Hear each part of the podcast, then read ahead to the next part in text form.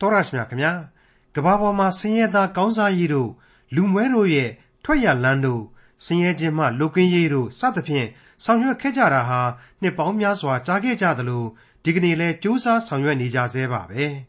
အဲ့ဒီလိုကြွေးကြော်သံတွေဟာဒီကနေ့အထိလဲမဆဲနိုင်သလိုဆင်းရဲမွဲတေမှုဆိုတာကလည်းပပျောက်သွားတယ်ရဲ့လို့မရှိတာကို အထင်ရှားတွေ့မြင်နေရဆဲပါပဲ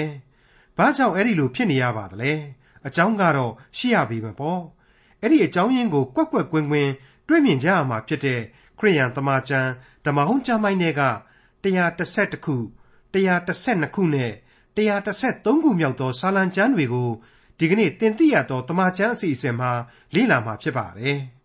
ဒီလောကမှာလူလာဖြစ်ခဲ့ရပြီးတဲ့နောက်လော်ကီပညာရပ်တွေပြောရရင်တော့တက္ကသိုလ်ပညာကိုမစည်းဘူးရလို့ကွန်ပျူတာပညာမကျွမ်းကျင်တာကြောင့် ဝမ်းနည်းနေစရာမလိုအပ်ဘူးဆိုတာကိုလည်းဖော်ပြထားတဲ့131ခု112ခုနဲ့133ခုမြောက်သောစာလံကျမ်းတွေကိုဒေါက်တာထွန်းမြတ်အေးကအခုလိုလေ့လာတင်ပြထားပါတယ်။အခုလေ့လာမယ့်စာလံအမှတ်111ကတော့အမှတ်စဉ်131ကတော့လက်ရတော်များအတွက်ချီးမွမ်းကြဆိုပြီးတော့အမိပေးလိုက်တယ်။ဂန္ဓခွဲပြီးတော့အထူးပြုလေ့လာသင့်တယ်လို့ကျွန်တော်ယူဆပါတယ်။ ဒါကြောင့်မလို့131ခုမြောက်သောဇာလံအငယ်1မှ4ကို နားဆင်ကြည့်ကြပါစို့။ငါသည် ဖြောင့်မတ်သောသူတို့၏အစည်းအဝေး၌၎င်းပရိသတ်၌၎င်းထာဝရဘုရား၏ဂုဏ်တော်ကိုစိတ်နှလုံးအကျွင့်မဲ့ချီးမွမ်းမည်။ထာဝရဘုရား၏အမှုတော်တို့သည်ကြီးမြတ်ကြ၏။ကြီးညိုသောသူတို့သည်ထိုအမှုတော်တို့ကိုရှာဖွေလိုက်စစ်တတ်ကြ၏ စီရင်တော်မူသောအရာသည်ဘုံအတရေနှင့်ပြည့်စုံ၍ဖြောင့်မတ်တော်မူခြင်းတရားလည်းအစဉ်အမြဲတည်အံ့ဘွယ်သောအမှုတော်တို့ကိုအောက်မေ့ဖို့ရာစီရင်တော်မူပြီးထာဝရဘုရားသည်ကျေးဇူးပြုတတ်သောသဘောတနာစုံမဲ့တတ်သောသဘောနှင့်ပြည့်စုံတော်မူ၏ဘုရားသခင်ရဲ့ဂုဏ်တော်ကိုစိတ်နှလုံးအကျွင့်မဲ့ချီးမွမ်းမည်ဆရာဟာအမှန်အားဖြင့်ကတော့ဟာလေလုယာလို့ဟစ်ကြွေးလိုက်တာနဲ့အတူတူပါပဲကျွန်တော်ရဲ့ယင်ထဲမှာကတော့ ဒီကနေ့ကပ္ပသတင်းစာကြီးတွေကိုဖတ်ပြီးတော့ရင်မောသလိုပဲခန်းစားရပါတယ်အဲ့ဒီသတင်းပလင်းတွေအရာဆိုရင်မြို့ပြကြီးတွေကလူတွေဟာပိုက်ဆံတွေအမြောက်အများအကုန်ခံပြီးတော့ဝေးလံခေါင်းပါတဲ့ဒေသတွေတောတောင်ဒေသတွေပင်လယ်ကျွန်းစုတွေစီကိုခရီးထွက်ပြီးတော့သဘာဝတရားရဲ့အလှအပတွေကိုခံယူကြရတယ်ငွေနဲ့ဆက်ပြီးတော့အနားယူအပန်းဖြေကြရတယ်တဲ့အမှန်တော့ဖန်ဆင်းတော်မူသောကဘာဟာ နေရာတကာအစဉ်တစိုက်လှပခဲ့တယ်ပြည့်စုံလုံလောက်မှုရှိခဲ့တယ်ကြွယ်ဝခဲ့တယ်တယံဇာတအားဖြင့်လည်းပြောเสียမလိုဘူးပြည့်စုံခဲ့ပြီးသားအဲ့ဒီလိုကဘာလောကကြီးဟာအလှကြွယ်ခဲ့ရှင်သန်ခဲ့ပြီမေအဲ့ဒီရှင်သန်ပြည့်စုံရာဂုံမောက်တဲ့ကဘာလောကကြီးကိုလူသားနဲ့လူသားတို့ရဲ့တိုးတက်ပါတယ်ဆိုတဲ့အတတ်ပညာနဲ့သိပ္ပံဤဗျူဟာတွေဟာတနေ့ပြီးတနေ့ခြေမှုန်းပစ်ခဲ့လို့ အခုဆိုရင်သဘာဝအလှတရားများရှားပါခြင်းနဲ့ကြုံဆုံနေရပြီသဘာဝတရားကိုပိုက်ဆံအကုန်ခံပြီးတော့ဝေးဝေးသွားပြီးရှာနေကြရပြီလို့ကျွန်တော်တွေးမိလို့စိတ်မကောင်းဖြစ်ရခြင်းပဲဖြစ်ပါတယ်130ခုမြောက်သောဇာလံအငယ်9မှ9ကြောက်ရွံ့ယိုသေးသောသူတို့ကိုကြွေးမွေးတော်မူ၏ပရိညင်တရားတော်တို့ကိုအစဉ်အောက်မေ့တော်မူ၏အမှုတော်တို့၌ရှိသောတကိုးကိုမိမိလူတို့အားပြ၍ တပါးမျိုးသားတို့၏အမွေကိုပေးတော်မူ၏လက်တော်နှင့်ပြုသောအမှုတို့သည်တစ္ဆာနှင့်၎င်းတရားနှင့်၎င်းရှင်ကြ၏ပြည့်ညတ်တော်အလုံးစုံတို့သည်ဖောက်ပြန်ခြင်းသဘောနှင့်ကင်းလွတ်ကြ၏ကြောက်ရွံ့ယိုသေးသောသူတွေကိုကျွေးမွေးတယ်ဆိုတော့မကြောက်ရွံ့မယိုသေးတဲ့လူတွေကိုရောမကျွေးမွေးဘူးတဲ့လားမဟုတ်သေးပါဘူးဖျားသခင်မရှိဟုမိုက်သောသူတို့သည်ထင်တတ်၏ဆိုတဲ့လူမိုက်များနာမတော်ကိုမသိရှိသောသူတို့အဖို့ကတော့ ဖျားသခင်ကကိုယ့်ကိုကြွေးတယ်ဆိုတာကိုမခံယူနိုင်ဘဲနဲ့ပဲဖျားသခင်ဖန်ဆင်းတဲ့လောကကြီးပေါ်မှာကျေးဇူးလက်လွတ်စားသောက်နေထိုင်နေကြရတယ်ဒီတော့ဒီလိုလူနန်းစားတွေအဖို့ကတော့သဘိုးသာနင့်ကျင်ရင်နင့်မယ်ကျွေးမွေးတော်မူခြင်းဆိုတာကိုမခံယူနိုင်ဘူးမသိနိုင်ဘူးလို့ပဲကျွန်တော်ဆိုချင်ပါတယ်တပားမျိုးသားတို့ဤအမွေကိုပေးတယ်ဆိုတာနဲ့နဲ့ဆိုင်ဆိုင်စဉ်းစားဖို့လိုလာတဲ့အချက်အထူးစဉ်းစားစရာရှိလာတယ်လို့ကျွန်တော်ခံယူတယ် အဲ့ဒီလိုတပားမျိုးသားတို့ဤအမွေကိုပေးတယ်လို့ဆိုလိုက်ကြတဲ့ကတပားမျိုးသားတို့မှလည်းပေးစရာအမွေရှိဖို့ဘုရားသခင်ပြုစုတော်မူခဲ့တယ်ဆိုတာဟာရှင်းမနေဘူးလားအဲ့ဒီလိုပြည့်စုံပြီးသားလူတွေကိုဘုရားသခင်ဖြိုဖျက်ပစ်တယ်ရွေးကောက်တော်မူသောလူတို့ကိုအဲ့ဒီဖြိုဖျက်ခြင်းခံရတဲ့အရက်ဒေသမှာနေရာချထားပေးပြီးတော့သမိုင်းသစ်ကိုတိဆောက်ပေးခဲ့တယ်ဆိုတာဟာရှင်းနေပါလေမြေကြီးနဲ့မြေကြီးသားတို့ကိုသူပိုင်နေလောကနဲ့လောကတစားတို့ကိုသူပိုင်နေလို့ဆိုထားတယ်မဟုတ်ဘူးလား အဲ့ဒီတော့သူပိုင်တဲ့အရာတွေကိုသူ့စိတ်ကြိုက်လုပ်တယ်ကျွန်တော်တို့ဘာမှမတတ်နိုင်ဘူးအဲ့ဒီလိုပြုတော်မူသောအလုပ်တွေအကုန်လုံးဟာလေသူ့အလိုတော်နဲ့ညီတယ်ဓမ္မသမိုင်းနဲ့ကယ်တင်ခြင်းကျေးဇူးကိုပြုဖို့ရန်လေဒီအချက်တွေဟာအကုန်လုံးတညီတညွတ်တီးဖော်ပြနေတယ်ဒီအချက်တွေကိုဒီဆာလံတီချင်းဟာပြီးပြီးပြင်းပြင်းဖွင့်ဆိုပြလိုက်ပါတယ်ဟုတ်ပါတယ်လက်တော်နှင့်လှုပ်သောအမှုအကုန်လုံးဟာသစ္စာနှင့်ပြည့်ဝတယ်တရားတော်နဲ့ညီညွတ်ခြင်းရှိတယ်တဲ့ မထူးဆန်းဘူးလားတရားတစ်ဆက်တစ်ခုမြောက်သောဆာလံအငယ်၈မှ30သစ္စာဆောင်ခြင်းဖြောင့်မတ်ခြင်းနှင့်ရှင်သောကြောင့်အစဉ်အမြဲတည်ကြ၏မိမိလူတို့၌ရွေးတော်မူခြင်းကျေးဇူးကိုပြုတော်မူ၏ပရိညင်တရားတော်ကိုအစဉ်အမြဲထားတော်မူ၏နာမတော်သည်တန်ရှင်း၏ကြောက်ရွံ့ယိုသေးပွဲဖြစ်၏ထာဝရဘုရားကိုကြောက်ရွံ့သောသဘောသည်ပညာ၏အချုပ်အခြာဖြစ်၏ပညာတော်တို့ကိုစောင့်ရှောက်သမျှသောသူတို့သည်ကောင်းသောဉာဏ်ရှိကြ၏ ဂုံအသရေတော်သည်အစဉ်အမြဲတည်သည်ထာဝရဘုရားကိုကြောက်ရွံ့ခြင်းသဘောသည်ပညာ၏အချုပ်အခြာဖြစ်၏ဆိုတာကိုအထက်ထက်ကျွန်တော်တို့ကြားနေရပါတယ်အခု130ခုမြောက်သောဆာလံတီချင်းဟာထပ်မံပြီးသတိပေးလိုက်ပါတယ်တက္ကသိုလ်ပညာတွေကိုအခြေအနေအမျိုးမျိုးကြောင့်မသင်ကြားရလို့ဆိုပြီးတော့ဝန်းမနေကြပါနဲ့ကွန်ပျူတာသိပ္ပံတွေကိုသူများလို့မသင်ယူနိုင်လို့ဆိုပြီးတော့လေစိတ်မကောင်းမဖြစ်ကြပါနဲ့ ဘုရားသခင်ကိုသာကြောက်ရွံ့ယူသေးကြပါအဲ့ဒီလိုသာဘုရားသခင်ကိုကြောက်ရွံ့မယ်ယူသေးမယ်ဆိုရင်လောကမှာအလိုအဆုံးပညာရဲ့အလိုအဆုံးဘွဲ့ကိုကိုဟာရရှိပြီးပြီလို့သာမှတ်လိုက်ကြပါတော့အခုဆက်လက်တင်ပြသွားလို့တဲ့132ခုမြောက်သောဆာလံတီချင်းကတော့ဘုရားသခင်ဤဖြောင့်မတ်ခြင်းတရားအတွက်ချီးမွမ်းကြလို့အမည်ပေးလိုက်တဲ့ဆာလံဖြစ်ပါတယ်132ခုမြောက်သောဆာလံအငယ်1မှ4ကိုနားဆင်ကြည့်ကြပါစို့ ထာဝရဘုရားကိုကြောက်ရွံ့၍ပြည့်ညတ်တော်တို့၌အလွန်မွေ့လျော်သောသူသည်မင်္ဂလာရှိ၏ထိုသူ၏သားမြေးတို့သည်မြေပေါ်မှအားကြီးကြလိမ့်မည်ဖြောင့်မတ်သောသူတို့၏အမျိုးအနွယ်သည်မင်္ဂလာရှိတတ်၏ထိုသူ၏အိမ်၌စီးစိမ်ဥစ္စာကျွယ်ဝ၍သူ၏ကောင်းကျိုးသည်အစဉ်အမြဲတည်တတ်၏သဘောဖြောင့်သောသူတို့အဖို့မှောင်မိုက်ထဲမှအလင်းပေါ်ထွန်းတတ်၏ထိုသို့သောသူသည်ကျေးဇူးပြုတတ်သောသဘောနှင့်တနာစုံမဲ့တတ်သောသဘောရှိ၍တရားသဖြင့် ပြုတတ်၏ဒါဝိမင်းကြီးဟာအခုဆာလံတီချင်းကိုဆက်ဆူနေစေအချိန်ကာလမှာပဲသူခံစားရအသက်တာရဲ့ကျေးဇူးတော်အပေါင်းတို့ကိုစ조사ပန်းစားရေတွက်နေလိမ့်မယ်လို့ကျွန်တော်ဆိုချင်ပါတယ်မကုံနိုင်တဲ့ကျေးဇူးတော်တွေပေါ့အဲ့ဒီလိုသူခံစားရကျေးဇူးတော်တို့နဲ့ပတ်သက်ပြီးတော့ဓမ္မရာဇဝင်ရဲ့ဖော်ပြချက်တွေဟာအခုဆာလံတီချင်းကဖော်ပြတဲ့အတိုင်းကွက်တိကြနေပါသလားကွက်တိကြနေတယ်လို့ကျွန်တော်မထင်ပါဘူး သူဟာလူတွေကလူတယောက်အနေနဲ့အပြစ်ဒုစရိုက်တွေအမြောက်အများကိုကျူးလွန်ခဲ့ဘူးသူဖြစ်တယ်ဇာတိပဂရိအားဖြင့်အပြစ်သားတွေကအပြစ်သားကြီးတယောက်သာဖြစ်ခဲ့တယ်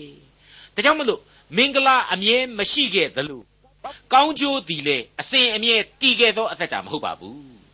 တရားမျှတတဲ့အသက်တာလို့လေဒါဝိဒ်ဆိုတဲ့လူတစ်ယောက်ရဲ့အသက်တာကိုကျွန်တော်တော့ဘယ်လို့မှမသတ်မှတ်နိုင်ပါဘူး ဒါဆိုရင်အခုဒါဝိဒ်အနေနဲ့ဖော်ပြလိုက်တဲ့ထာဝရဘုရားကိုကြောက်ရွံ့၍ပြည့်ညတ်တော်တို့၌အလွန်မွေ့လျော်သောလူမင်္ဂလာရှိသောလူဆရာဟာဘသူများဖြစ်နိုင်မလဲဆိုတာဟာစဉ်းစားနိုင်ပါတယ်ဟုတ်ပါတယ်အခြားမရှိပါဘူးကယ်တင်ရှင်သခင်ခရစ်တော်ကိုဆိုလိုခြင်းပါကယ်တင်ရှင်သခင်ခရစ်တော်နဲ့ကယ်တင်ရှင်ကိုအမြဲဥထိတ်ပန့်စင်သူတို့ရဲ့အကြောင်းကိုသာလျှင်ဗျာဒိတ်ပြုလိုက်ခြင်းဖြစ်တယ်လို့ပွင့်ပွင့်လင်းလင်းပဲအတိတ်ပဲပြန်ဆိုပြရစီ ပြည့်ညတ်တော်ဆရာဟာအခုကျွန်တော်အချိန်ကာလမှာဂျေဇုနဲ့ဂယုနာတော်ကိုခိုလုံသူကယ်တင်ခြင်းဂျေဇုတော်ကိုလက်ခံသူတို့အဖို့အဓိကအားကိုးရမယ်ဥပရိသတွေမဟုတ်တော့ဘူးဆရာကိုကျွန်တော်အကြိမ်ကြိမ်တင်ပြပြောဆိုခဲ့ပြီးဖြစ်ပါတယ်ရှင်းလင်းခဲ့ပြီးလည်းဖြစ်ပါတယ်ဒါကြောင့်ပြည့်ညတ်တော်မှာမွေးလျော်ခြင်းဆရာဟာကြေးမုံမှန်များနဲ့တူညီတဲ့ပြည့်ညတ်တော်တို့အားဖြင့်ကိုယ့်ရဲ့အပြစ်ရှိခြင်းအကြောင်းကိုအစဉ်သိမြင် ကိုယ့်အတွက်အပြစ်မှလွတ်ပိုင်သူကယ်တင်ရှင်သခင်ခရစ်တော်ကိုပို၍ပို၍အာကိုခိုလုံခြင်းကိုသာဆိုလိုပါတယ်။မှောင်မိုက်ထဲမှာအလင်းပေါ်ထွန်းတတ်တယ်ဆရာဟာအလွန်ကောင်းမွန်တဲ့အမှန်တရားဖြစ်ပါတယ်။လူဘဝအသက်တာဟာကြိမ်ဖန်များစွာအမှောင်တောကြီးထဲမှာရောက်ရှိသလိုဖြစ်နေတတ်ပါတယ်။ခံစားနေရတတ်ပါတယ်။ခရစ်တော်ကိုအာကိုခိုလုံခြင်းအဖြစ်အဲ့ဒီအမှောင်တဲကနေကျေးဇူးတော်အလင်းကိုပြန်လဲမြင်တွေ့ကြရမှာဧကန်အမှန်ပဲဖြစ်ပါတယ် အစဉ်သဖြင့်သခင်နှင့်ယုံကြည်မျှော်လင့်လက်တွဲသင့်တယ်လို့တိုက်တွန်းလိုက်ပါရစေ132ခုမြောက်သောဆာလံအငယ်9မှ12အဆုံးအထိဂယုဏစိတ်ရှိ၍ချီးငှားတတ်သောသူသည် ကောင်းစားတတ်၏တရားဆုံးဖြတ်ရာကာလ၌အောင်ခြင်းသို့ရောက်လိမ့်မည်အကယ်စင်စစ်လှုပ်ရှားခြင်းနှင့်အစဉ်ကင်းလွတ်လိမ့်မည်ဖြောင့်မတ်သောသူသည်အစဉ်အမြဲအောင်းမေ့ဖို့ရာဖြစ်လိမ့်မည်မကောင်းသောသတင်းကိုမကြောက်ရ စိတ်နှလုံးသည်ထာဝရဘုရားကိုကိုးစားသဖြင့်တည်ကြည်တတ်၏သူ၏စိတ်နှလုံးသည်မြဲမြံသည်ဖြစ်၍ရန်သူတို့၌အားမရမီတိုင်အောင်ကြောက်ချင်းနှင့်လွတ်လိမ့်မည်သူသည်စွန့်ကြဲပြီးဆင်းရဲသောသူတို့အားပေးကမ်းပြီးသူ၏ဖြောင့်မတ်ခြင်းသည်အစဉ်အမြဲတည်တတ်၏သူ၏ဥကြိုသည်ဂုံအသရေနှင့်ချီးမြှင့်ခြင်းရှိလိမ့်မည်မတရားသောသူတို့သည်မြင်၍နာကျင်သောစိတ်ရှိကြလိမ့်မည်အံသွားခဲကျိတ်၍ပိန်ချုံကြလိမ့်မည် မတရားသောသူတို့၏အလိုသည်ပျက်စီးရလိမ့်မည်ဖျားသခင်ဟာနှုတ်ကပတ်တော်ကတဆင့်ဆင်းရဲတဲ့လူတွေဘဝအခြေအနေနှိမ်ပါနေတဲ့လူတွေနဲ့ပတ်သက်လို့အမြဲတမ်းယက်တည်တယ်ဦးစားပေးအဆင့်မှာထားပြီးတော့သူတို့ကိုမဆာဖို့သူတို့ကိုပြုစုစောင့်ရှောက်ဖို့ဆိုတာကိုအမြဲတမ်းသတိပေးမှားကြားခဲ့တယ်ဆိုတာတွေကိုကျွန်တော်တွေ့နေရပါတယ်ဒါဟာအလွန်တရာအံ့ဩစရာကောင်းတဲ့အမြဲရှင်သန်နေသည့်တရားလို့ကျွန်တော်ကတော့သတ်မှတ်ချင်ပါတယ် တခုအရေးကြီးတာကတော့ဘုရားသခင်ရဲ့အလိုတော်ပြည့်စုံပြီလားကျွန်တော်ကမ္ဘာသမိုင်းဟာပြန်ကြည့်ရင်ယူတိုပီးယားလို့ခေါ်တဲ့လောကနိဗ္ဗာန်ကြီးကိုတိဆောက်ဖို့လွန်ခဲ့တဲ့နှစ်ပေါင်း3000လောက်ကတည်းကအဆက်ဆက်သောဒသနိကပညာရှင်ကြီးတွေတို့အဘိဓမ္မာသမားကြီးတွေတို့လူသားကောင်းဆောင်ကြီးတွေတို့ဟာစ조사အားထုတ်ခဲ့ကြတယ်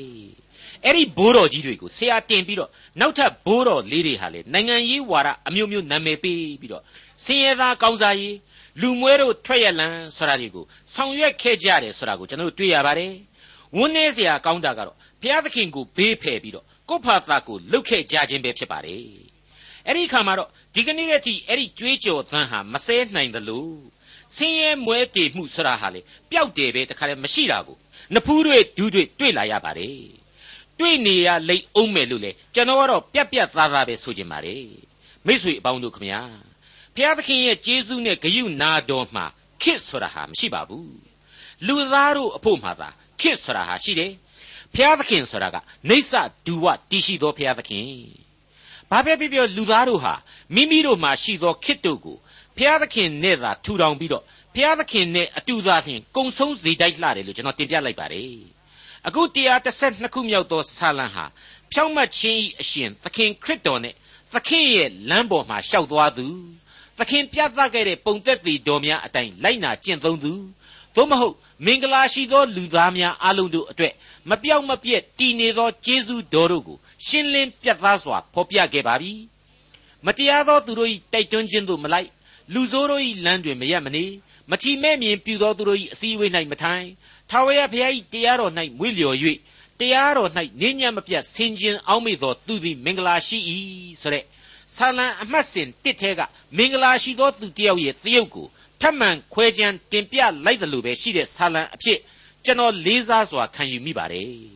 အဲ့ဒီမင်္ဂလာရှိသောသူနဲ့ဆန့်ကျင်ဘက်တရုပ်ကိုတော့အခုတခုမြောက်သောဆာလံမှာပဲဘယ်လိုဆိုခဲ့တယ်ဆိုတာကိုပြန်ပြီးတော့စဉ်းစားကြည့်ပါမတရားသောသူတို့မူကားထိုကဲ့သို့မဟုတ်လေတိုက်၍လွင့်သောဖွဲနှင့်တူကြ၏လို့ဆိုထားပါတယ်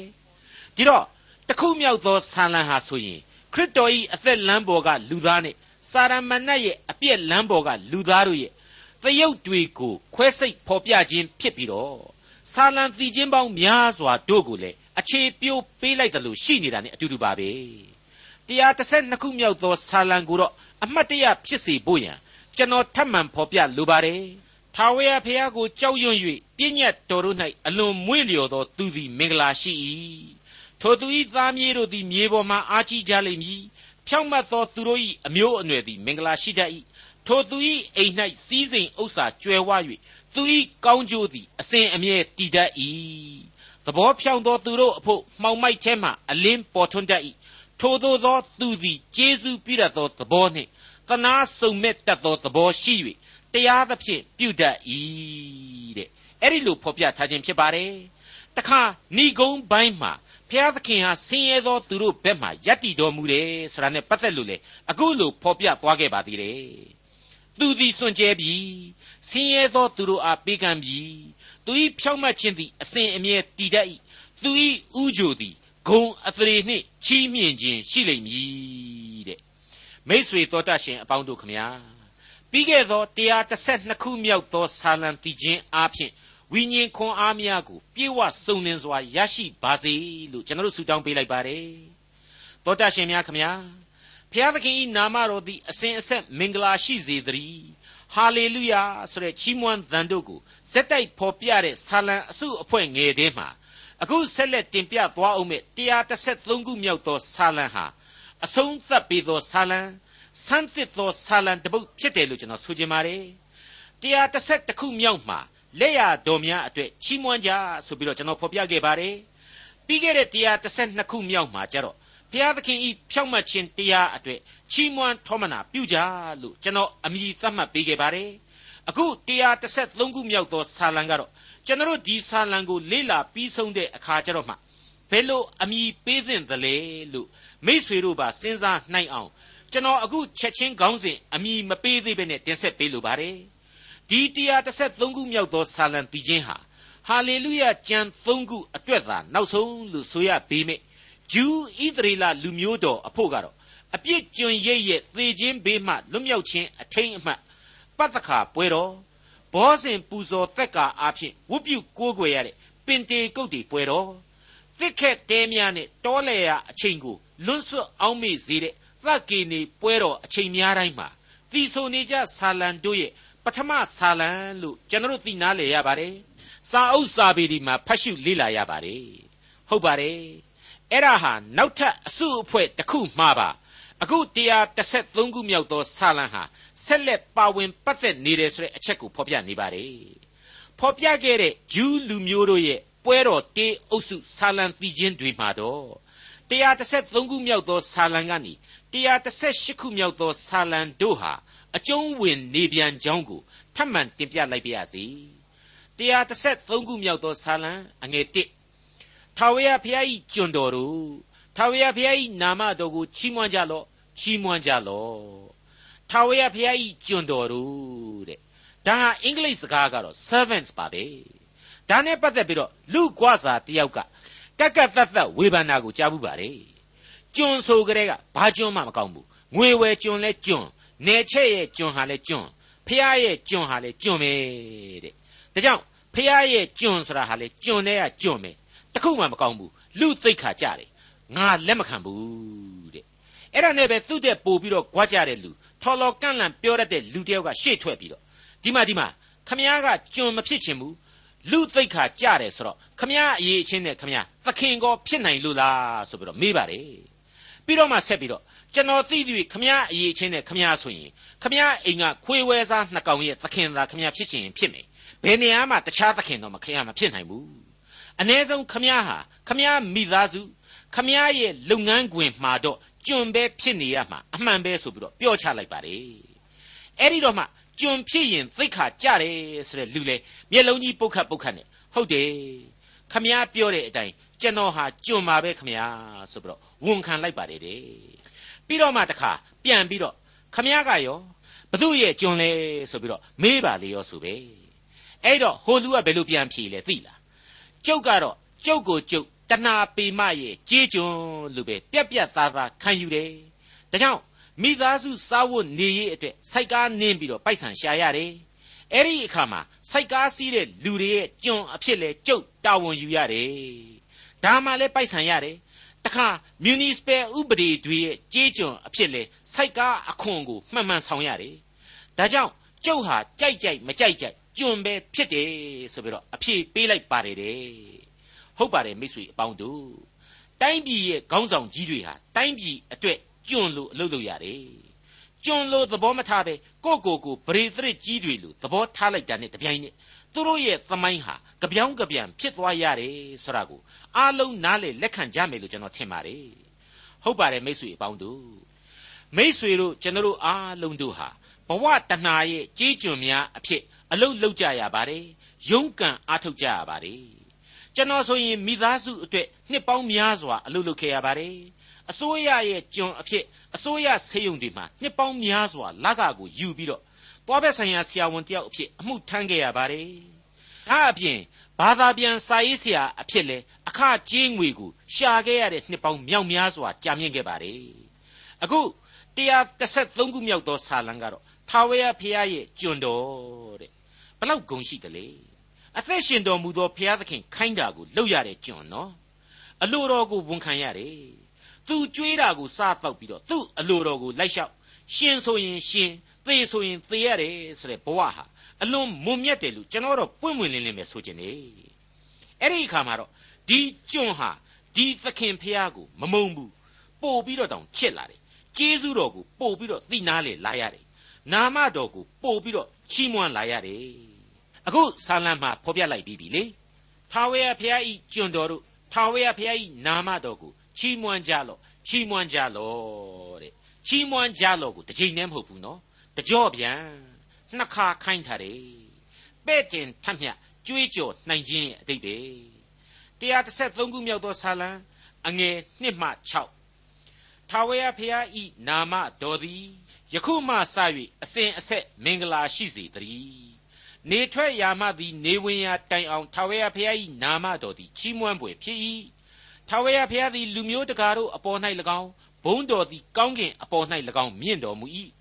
ကိုကိုချီးမြှင့်၍ကျင်းဝတ်တော်မူတော်လဲကိုကိုနှိမ့်ချ၍ကောင်းကင်အရာနှင့်မြေကြီးအရာတို့ကိုကြည့်ရှုတော်မူသောငါတို့၏ဘုရားသခင်ထာဝရဘုရားနှင့်အဘယ်သူတူသနည်းအိတ်ဆွေများခမညာ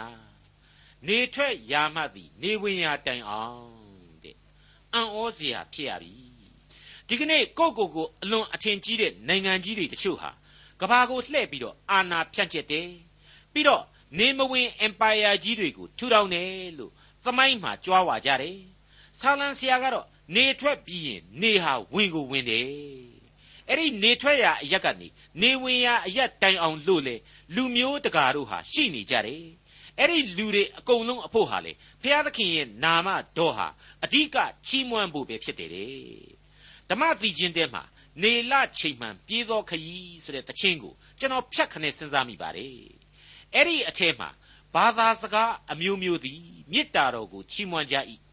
သူငယ်များလဲဂုံကျေးဇူးတော်ကိုအသံချိုနှင့်ချီးမွမ်းမွဲ့ဆိုဆိုတဲ့အပိုက်ကိုကျွန်တော်အလွန်တရာနှစ်သက်မိပါတယ်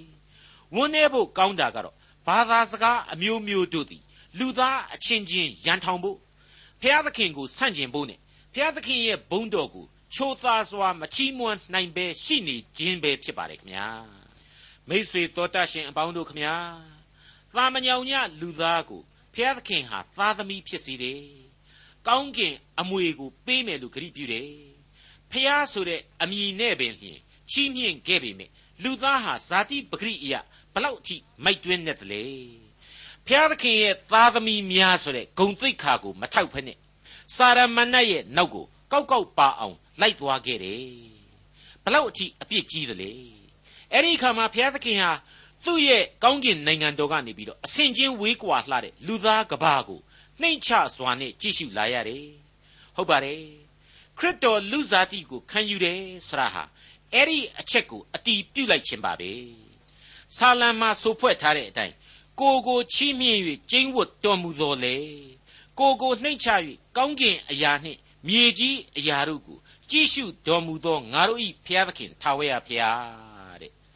ဒီထာဝရဘုရားနှင့်အဘယ်သူတူသနည်းတဲ့ဒီအချက်ဟာကျွန်တော်တို့ကိုဆာလံတီခြင်းကနေမေးမြန်းနေတဲ့အချက်ဖြစ်တယ်လို့ကျွန်တော်တူးချင်းဟာလေမိမိတို့ကိုကိုကိုမိမိတို့မေခွန်းထုတ်ရမယ်မေခွန်းကြီးဖြစ်တယ်နှလုံးသားစိတ်အစဉ်မှာကြီးကြီးလင်းလင်းအဖြေရှာရမယ်မိခွန်းကြီးဖြစ်တယ်လို့ကျွန်တော်တင်ပြခြင်းပါတယ်မိษွေသောတရှင်အပေါင်းတို့ခမညာ အဖဖျားသခင်ရဲ့ကယ်တင်တော်မူခြင်းကျေးဇူးတော်တည်ရှိခြင်းအကြောင်းကို133ခုမြောက်သောဆာလံတည်ခြင်းဟာရှင်းရှင်းကြီးဗျာဒိတ်ပြုလျက်ရှိနေပါတယ်ဒီကယ်တင်ခြင်းကျေးဇူးတော်ဆရာကိုဘယ်လူသားလုံနိုင်ပါသလဲဘယ်လူသားများတွေးဆကြံစီနိုင်ပါသလဲဆိုတဲ့အချက်ကိုကျွန်တော်အနုလုံပြိလုံစင်ကျင်နှလုံးသွင်းကြပါစို့ဒါကြောင့် ဒီကျေးဇူးတော်ကို ပြုတော်မူသော အဖဖျားသခင်၏နာမတော်ကို ချီးမွမ်းကြထာဝရဘုရား၏နာမတော်သည်ယခုမှစ၍အစဉ်အဆက်မင်္ဂလာရှိပါစေတည်းဆိုတဲ့အချက်ကိုထင်ရှားပေါ်လွင်စေဖို့ရန်အတွက်ဆာလံဆရာဟာဒီဆာလံတီချင်းကိုစိုးဖွဲ့လိုက်ခြင်းပဲဖြစ်ပါတယ်133ခုမြောက်သောဆာလံအငယ်9မှ9ဆင်းရဲသောသူကိုမြေမှုန့်တဲကကြွလျက်